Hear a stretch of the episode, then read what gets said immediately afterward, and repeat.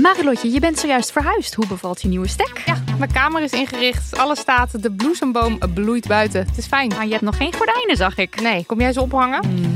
Maar het ding is dus, desondanks alles slaap ik als een koningin dankzij mijn matras van Emma Sleep. Een prinses zonder ert ben jij. Al leg je een ert onder mijn matras, ik denk niet dat ik er last van heb, want het is een hemelsding. En dan heb ik ook nog mijn Emma Diamond Pillow. Jouw slaapkamer is een slaapparadijs. Wil jij dat nou ook? Ga naar emma-sleep.nl en daar vind je moederdag sale met kortingen die oplopen tot wel 50%. En met de code DAMNMONEY aan elkaar uh, komt daar nog eens 10% extra korting bovenop. Op een dag ontdekte ik Villa Betty.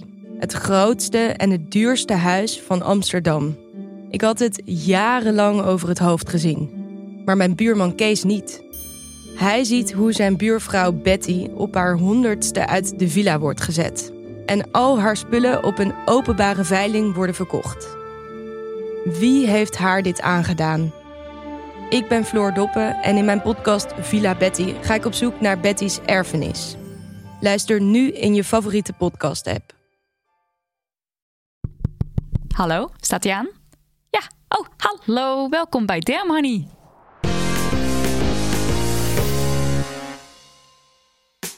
De podcast over shit waar je als vrouw van deze tijd mee moet dealen. Ik ben Nidia. En ik ben Marilot. En je luistert naar een bonusaflevering, nummer 3. En wat doen wij ook weer in bonusafleveringen? Uh, daar uh, gooien wij ons hele format om. En wij lezen een hoofdstuk voor uit ons boek Heb je nou al een vriend? Uh, dat men vertelt hoe ze een vriend moeten krijgen. en als je die nog niet hebt, dan ben je een loser. Is eigenlijk de boodschap. Ja, dat is de boodschap van ons boek. Um, dat is niet de boodschap van ons boek. Het is een boek met 50 opmerkingen waar je als uh, vrouw mee zou kunnen moeten dealen. En uh, vorige keer hebben we het hoofdstuk voorgelezen. Heb je nou een vriend?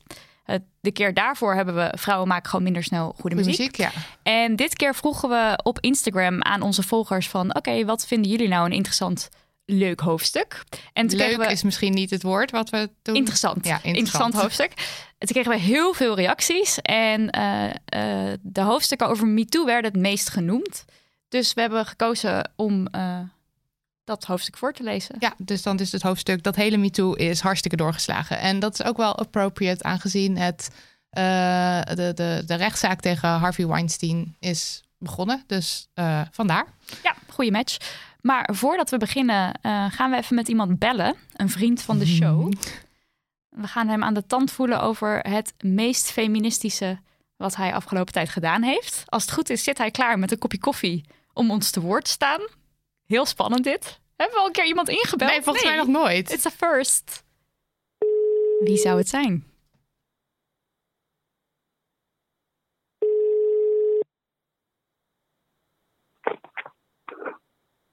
Hallo. Hallo. Hallo, met wie is dit?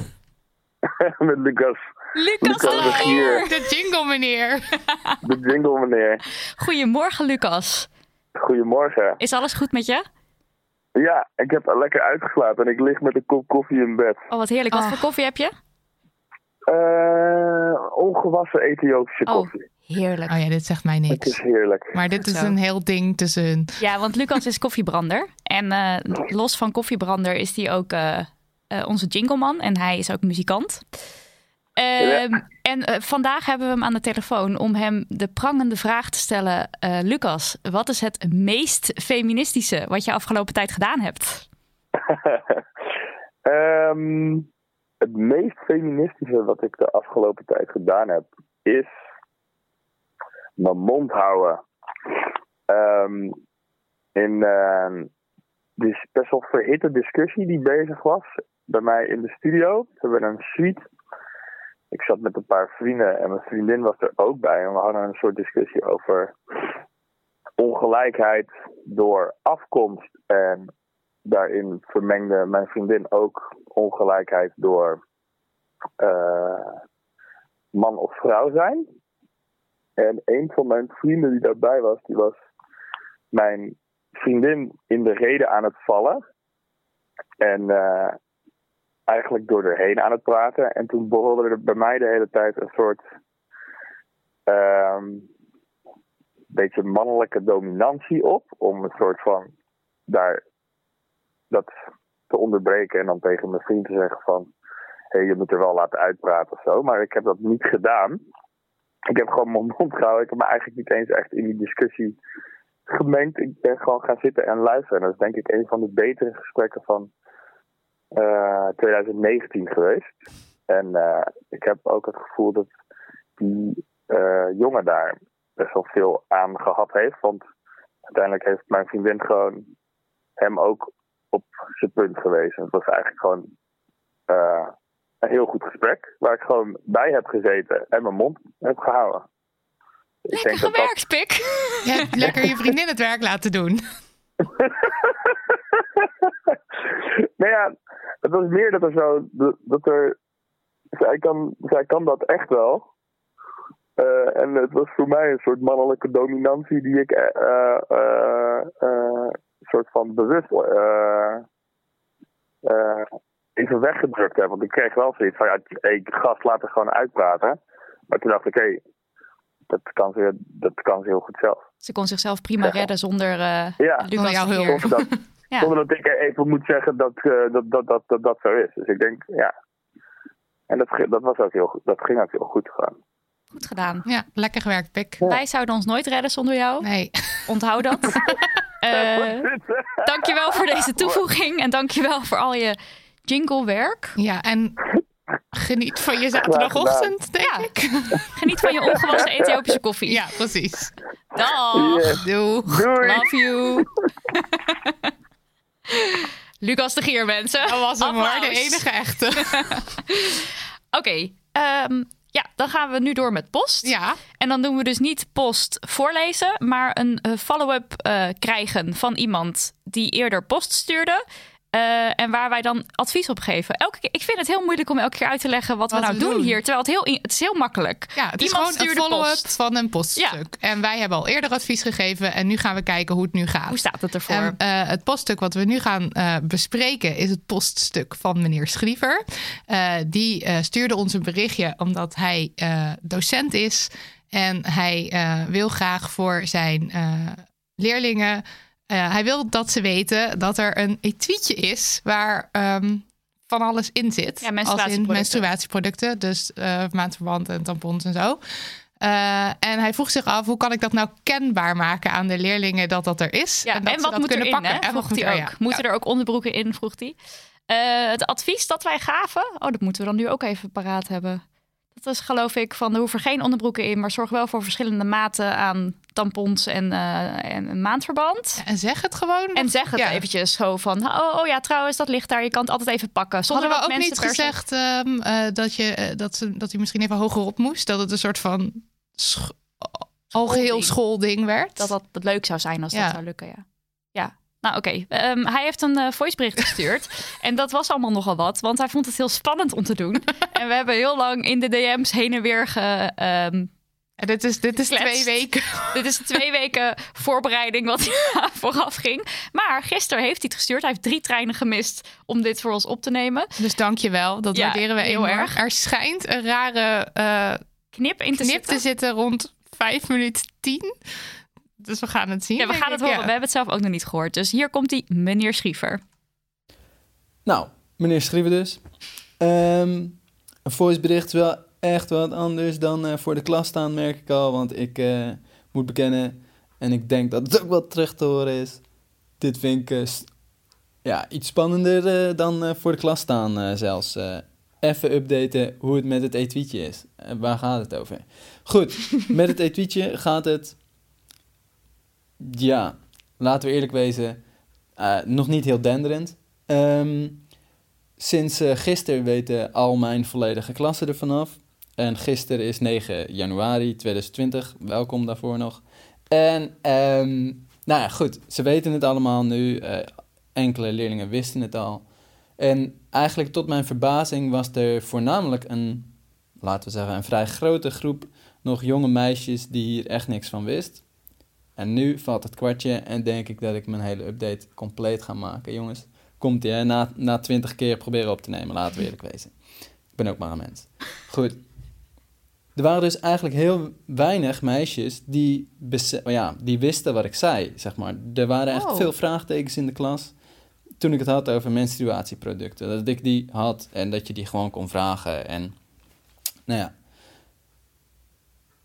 Dit betekent eigenlijk, zeg maar, op het moment dat ik zeg maar, in de brugklas zat, wist ik al lang, zeg maar, nou ja, wist ik al wel veel. En zou ik deze vraag niet hebben moeten hebben als ik ook iets anders was geweest. Dit klinkt dan weer echt belachelijk slecht, terwijl ik dacht dat ik hem net had. Maar goed, waar ik denk op geweest ben gisteren en waar ik nu dus nog steeds eigenlijk een beetje mee zit, is dat er dus heel veel meisjes niet wisten waar ik het over had. Terwijl ik doe het in principe voor hun. Als in, eh, ja, ja, ik weet niet hoe ik het anders zou moeten verwoorden. Het klinkt wel alsof ik uh, natuurlijk uh, met de vlag wil zwaaien van ik was de geweldige man die dit heeft gedaan. En dat is hopelijk niet helemaal hoe het over gaat komen, maar goed. Die meisjes die wisten niet waar ik het over had. En dat betekent natuurlijk dat zij het er ook nooit over hebben gehad. Want anders hadden ze wel geweten waar ik het over had, denk ik. Um, dus ik, daar stond ik eigenlijk wel even van te kijken. Dat had ik oprecht niet verwacht. Ik heb er uh, trouwens ook nog even om wel even de professionele kanten van uh, te bespreken. Ik heb het ook met mijn uh, afdelingleider besproken. ja, misschien wat giechelig, maar ik weet niet of dat kwam gewoon omdat ik hoop dat je met mij sowieso wel mag lachen. Of omdat hij het enigszins ongemakkelijk vond. Maar hij gaf aan, wij hebben het eigenlijk al. Bij de conciërge ligt het altijd. Daar hebben ze altijd maandverband. Daar zou het gehaald kunnen worden. Ik moet zeggen, toen heb ik natuurlijk gezegd, nou, helemaal goed. maar later bedacht ik van, ja, maar wat hebben ze daar dan precies liggen? Hebben ze daar dan alleen maar maandverband? Nice. Hebben ze daar maandverband? Hebben ze daar nog inlegkruisjes? Of maandverband voor verschillende soorten maten onderbroeken? Of nou, vormen vooral. hebben ze tampons, want ja, sommige mensen vinden dat gewoon fijner. Hebben ze die in verschillende maten en vormen? Nou, niet vormen. Nou ja, wel, zo'n, met zo'n inbrenghuls toch wel een hele andere vorm. Goed, mijn punt is, eigenlijk heb ik er meer vragen bij gekregen. En als jullie trouwens nog vragen hebben over waarom ik er zo lang mee heb gewacht, dat is omdat nu is het kerstvakantie geweest. En ja, dan begint eigenlijk natuurlijk school weer een soort van opnieuw. Iedereen moet weer inkomen en zo. Dus je moet ook weer alle regels even opnieuw uh, doorgeven. Van hé hey jongens, we gaan uh, dit en dit uh, niet en wel doen. En ja, dus ik dacht, dit is mijn moment. Als in ik kan nog langer wachten, maar dan moet ik weer tot volgend schooljaar gaan wachten. Dus hierbij komt het etuietje, terwijl ik het etuietje zelfs nog zelf was vergeten. helemaal top geregeld. Um, dus ik moet het ze nog een keertje gaan introduceren. Een tweede keer, als en ik heb het ze nu geïntroduceerd in woord. Ik ga het nog introduceren in beeld. In de zin van, dit is het etuietje. Dus ik hoef niet per se met alle producten door het lokaal te lopen. Want mogelijk gaan op dat moment wel alle jongens uh, in één keer heel hard gillen en uh, schreeuwen. Uh, dat was overigens gisteren niet het geval. Ik, waar ik ook al enigszins van opkeek. Um, ja, ik denk bijna dat dit wel de update is. Ook al zou ik waarschijnlijk veel meer willen vertellen over wat er allemaal is gebeurd, wat al mijn gedachten rondom alles zijn, et cetera. Maar uh, het e-tweetje loopt helaas nog geen storm. en, of nou ja, helaas. Misschien is dat ook wel positief. Maar um, ja, ik heb ook nog niet dus de openheid op school gevonden die ik zocht. Maar goed, er zijn nu, uh, laten we zeggen, er is nu ongeveer een vierde van de school wat ervan weet. En ehm, ik hoop dat we daar uh, in ieder geval op ons kleine schooltje al een kleine stap mee maken. En mogelijk met. Uh, dit ga ik ook doen. Uh, ik denk dat het oprecht de moeite waard is om dit soort mini-initiatiefjes te nemen. want ja, eerlijk, de, ja, dit kan toch gewoon, dit kunnen we voor elkaar doen. Dus um, veel liefde voor de ander. Ik, ik weet het ook niet meer. Ik begin nu te brabbelen. Ik wens jullie een hele fijne podcast. En iedereen heel veel liefde die dit ook gaat horen. Um, je bent onvervangbaar. Geen idee, misschien komen we elkaar een keertje tegen.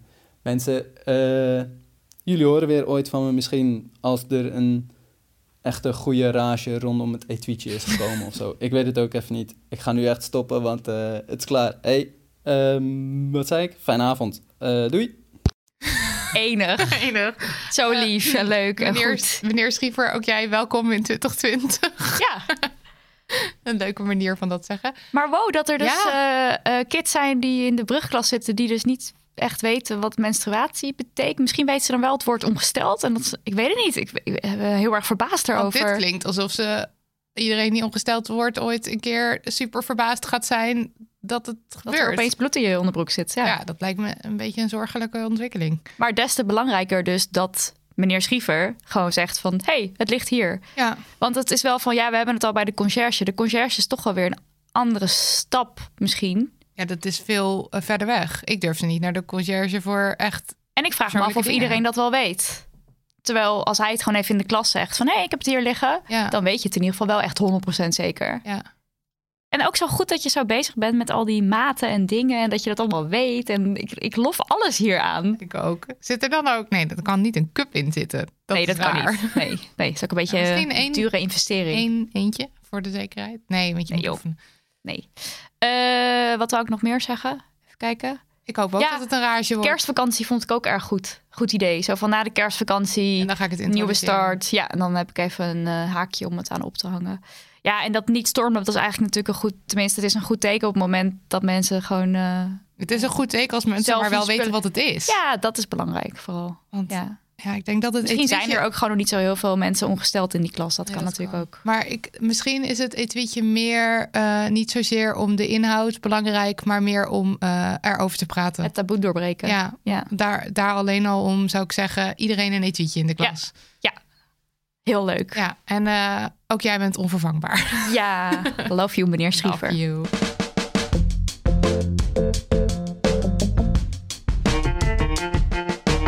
Welkom bij het voorleesuurtje dat geen eh, uurtje is. Eh Marilotte begint met voordragen uit Heb je nou al een vriend? Dat hele MeToo is hartstikke doorgeslagen. We beginnen even met een geschiedenislesje waarvoor we teruggaan naar de zomer van 1997. De Amerikaanse burgerrechtenactivist Tarana Burke werkt in een zomerkamp. Op een dag vraagt een van de deelnemers, een meisje van een jaar of dertien, of ze even met Burke kan praten. Het meisje vertelt dat ze is aangerand, maar Burke weet niet goed hoe ze daarop moet reageren. Ze stuurt het meisje door naar iemand anders. In de jaren daarna ziet ze het meisje niet meer terug en tot op de dag van vandaag weet Burke niet hoe het haar is vergaan. Het meisje blijft door haar hoofd spoken. Waarom had ze niet gewoon die twee woorden, me too, uitgesproken? Het gesprek zette Burke aan het denken over haar eigen ervaring met seksueel geweld. Ze besefte dat het contact met andere survivors haar had geholpen en dat dit misschien van betekenis kon zijn. In 2006 begint ze met de MeToo-beweging. Ze maakt een pagina aan op MySpace waar mensen op een eenvoudige maar krachtige manier contact met elkaar kunnen maken en hun verhaal kunnen vertellen. Empowerment through empathy. Al snel stromen de reacties van lotgenoten binnen. De organisatie groeit en een jaar later krijgt ze voor het eerst subsidie. We spoelen vooruit naar 2017. Een aantal actrices beschuldigt filmproducent en studiobaas Harvey Weinstein van aanranding en verkrachting. Actrice Alyssa Milano herkent zich in de verhalen. Om de wereld bewust te maken van de omvang van het probleem, roept ze mensen via Twitter op om te reageren met MeToo als ze zelf ooit seksueel grensoverschrijdend gedrag hebben meegemaakt. De reacties zijn overweldigend. Verhalen worden massaal gedeeld en de hashtag is geboren.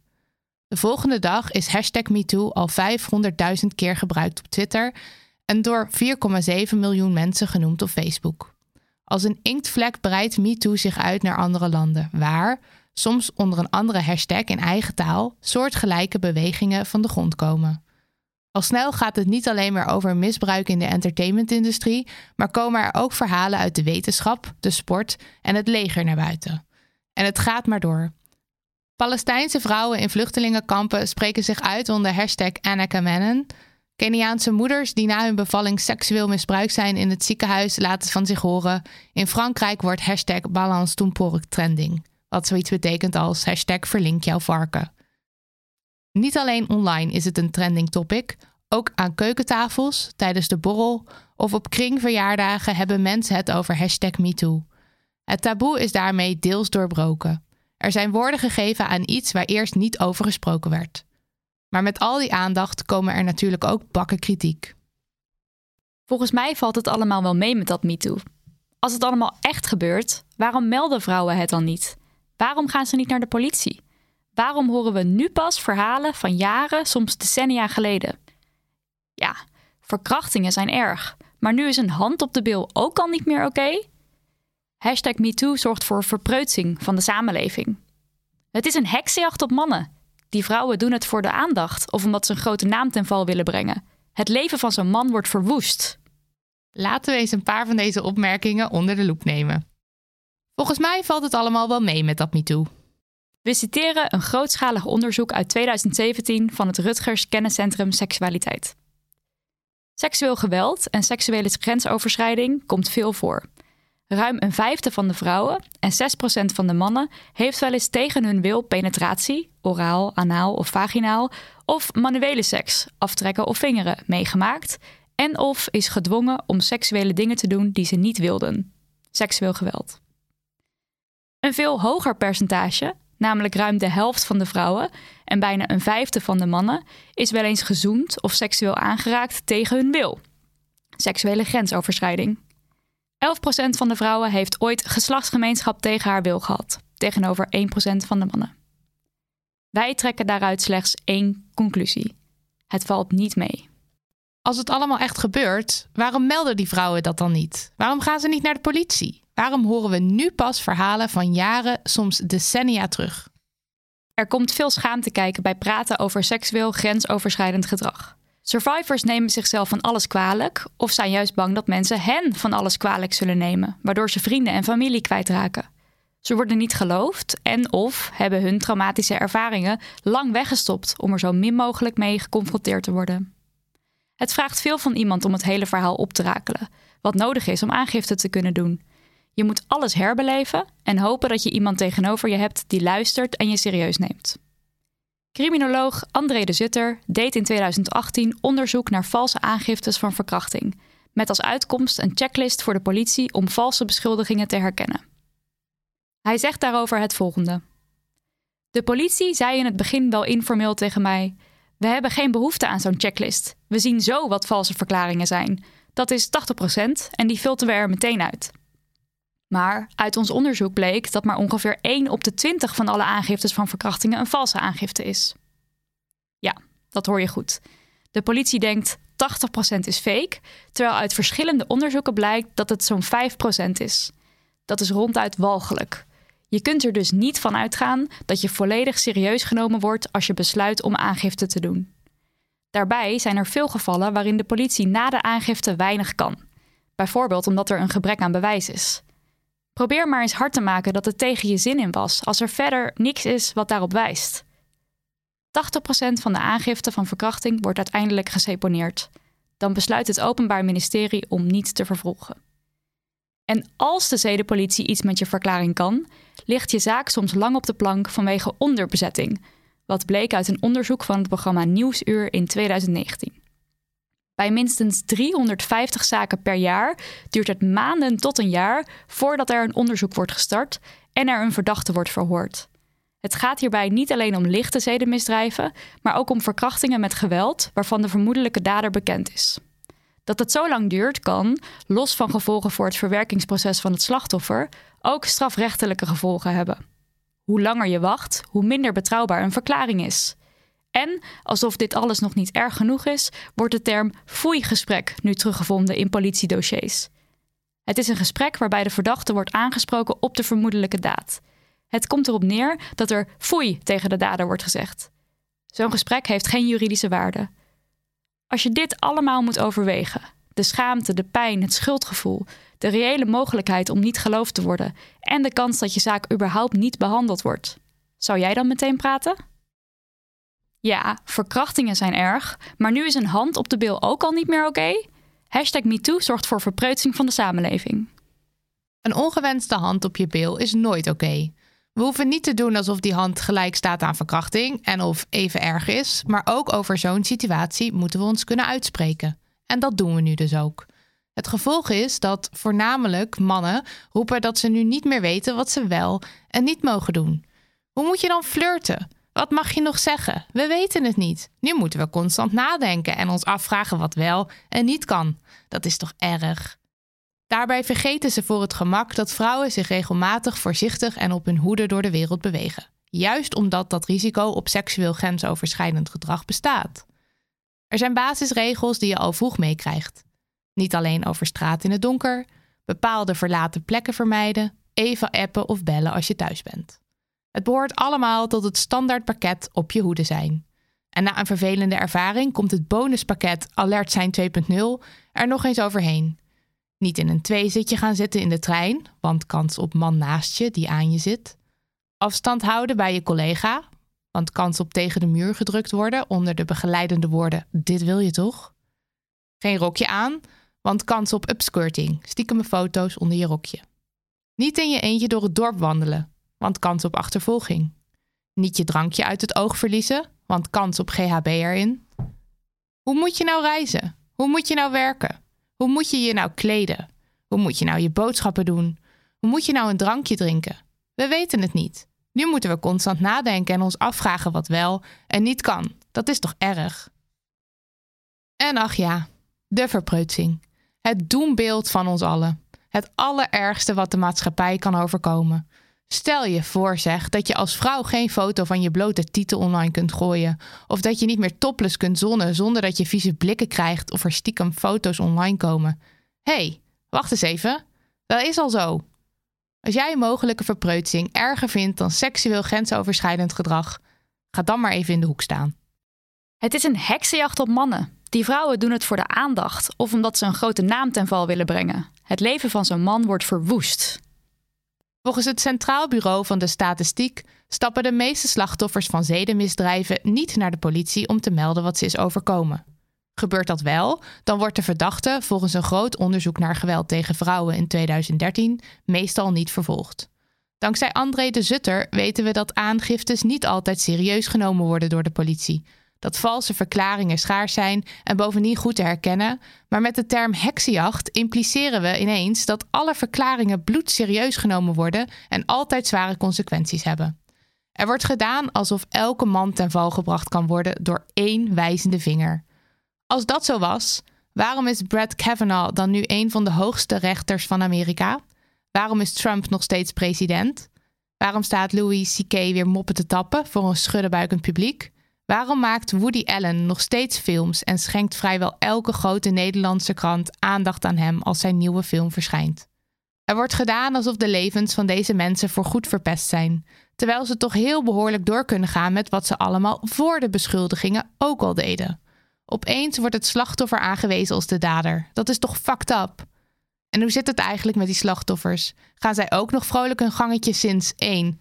Het seksueel grensoverschrijdende gedrag. En 2. De shitzooi die ze over zich heen kregen nadat ze in de openbaarheid waren getreden. Want ja, ze krijgen zeker aandacht. Aandacht in de categorie doodsbedreigingen. Het soort aandacht waardoor jij en je gezin meermaals moeten verhuizen, zoals Christine Blasey Fort overkwam, die de hierboven genoemde Brad Kavanaugh beschuldigde. Mensen die seksueel grensoverschrijdend gedrag hebben meegemaakt, stappen niet zomaar de schijnwerpers in, dus geloof ze. En daarmee willen we niet zeggen dat een rechter iemand moet veroordelen zonder bewijs, want zo werkt het rechtssysteem niet. Vergeet ook niet dat hashtag MeToo veel meer is dan beroemde mensen beschuldigen van wangedrag. Seksueel geweld vindt overal plaats, in alle lagen van de maatschappij. Als beroemde types al rustig kunnen doorgaan met hun leven, hoe zit het dan met mensen die beschuldigd worden die niet bekend zijn en geen media-aandacht krijgen? Worden zij publiekelijk door het slijk gehaald? En kunnen ze daardoor nooit meer werken? Waarschijnlijk niet. Maar stel even dat iemands leven wel verwoest wordt en dat het om een onschuldig persoon gaat, want die voorbeelden zijn er vast. Uiteraard is dat vreselijk, dat kunnen we niet genoeg benadrukken, maar dat aantal is zo klein dat het niet in verhouding staat tot het aantal slachtoffers dat nu niet geloofd wordt. Het is geen reden om de hele hashtag MeToo-beweging af te doen als doorgeslagen en niet meer serieus te nemen. Also, hoezo hebben we het nu opeens weer over die zielige arme mannen in plaats van over de mensen om wie het echt gaat, de survivors? Goed afleidingsmechanisme weer, mensen. Welke pijn krijgt prioriteit? Vaak denken we bij MeToo aan machtige mensen die beschuldigd worden door witte, beroemde vrouwen. Tarana Burke vroeg in een interview met Time Magazine aandacht voor de stemmen die onopgemerkt blijven. Stemmen van bijvoorbeeld vrouwen van kleur, transvrouwen en queer mensen. Ze zei daarover: Onze verhalen worden aan de kant geschoven en onze pijn krijgt geen prioriteit. En niet alleen worden die stemmen niet gehoord, mensen uit kwetsbare groepen lopen ook nog eens een groter risico op het meemaken van seksueel geweld. Zo is te lezen in het rapport Dubbel kwetsbaar van Rutgers dat relatief veel mensen met transgendergevoelens slachtoffer worden. Sterker nog, dat het slachtoffer transgender was, bleek vaak juist de aanleiding voor het grensoverschrijdend gedrag te zijn. Uit een onderzoek van het Office for National Statistics in Groot-Brittannië bleek dat de kans voor vrouwen met een beperking of langdurige ziekte om slachtoffer te worden van seksueel geweld dubbel zo groot. Amy Kavanagh is slechtziend en schreef over ongewenste aanreiking op Huffington Post. Ik weet nooit of het een helpende hand is of dat ik weer word aangerand. Hoe moet je nou reageren op dat hele MeToo is hartstikke doorgeslagen? Luister. In Nederland heeft meer dan de helft van de vrouwen en bijna een vijfde van de mannen te maken met seksueel grensoverschrijdend gedrag. De meeste slachtoffers stappen niet naar de politie en als ze dat wel doen, wordt er in de meeste gevallen geen dader vervolgd. Ook niet bij verkrachting. Dat dit de norm is en dat een beweging die zich over dit grote probleem uitspreekt zo wordt aangevallen, dat is doorgeslagen.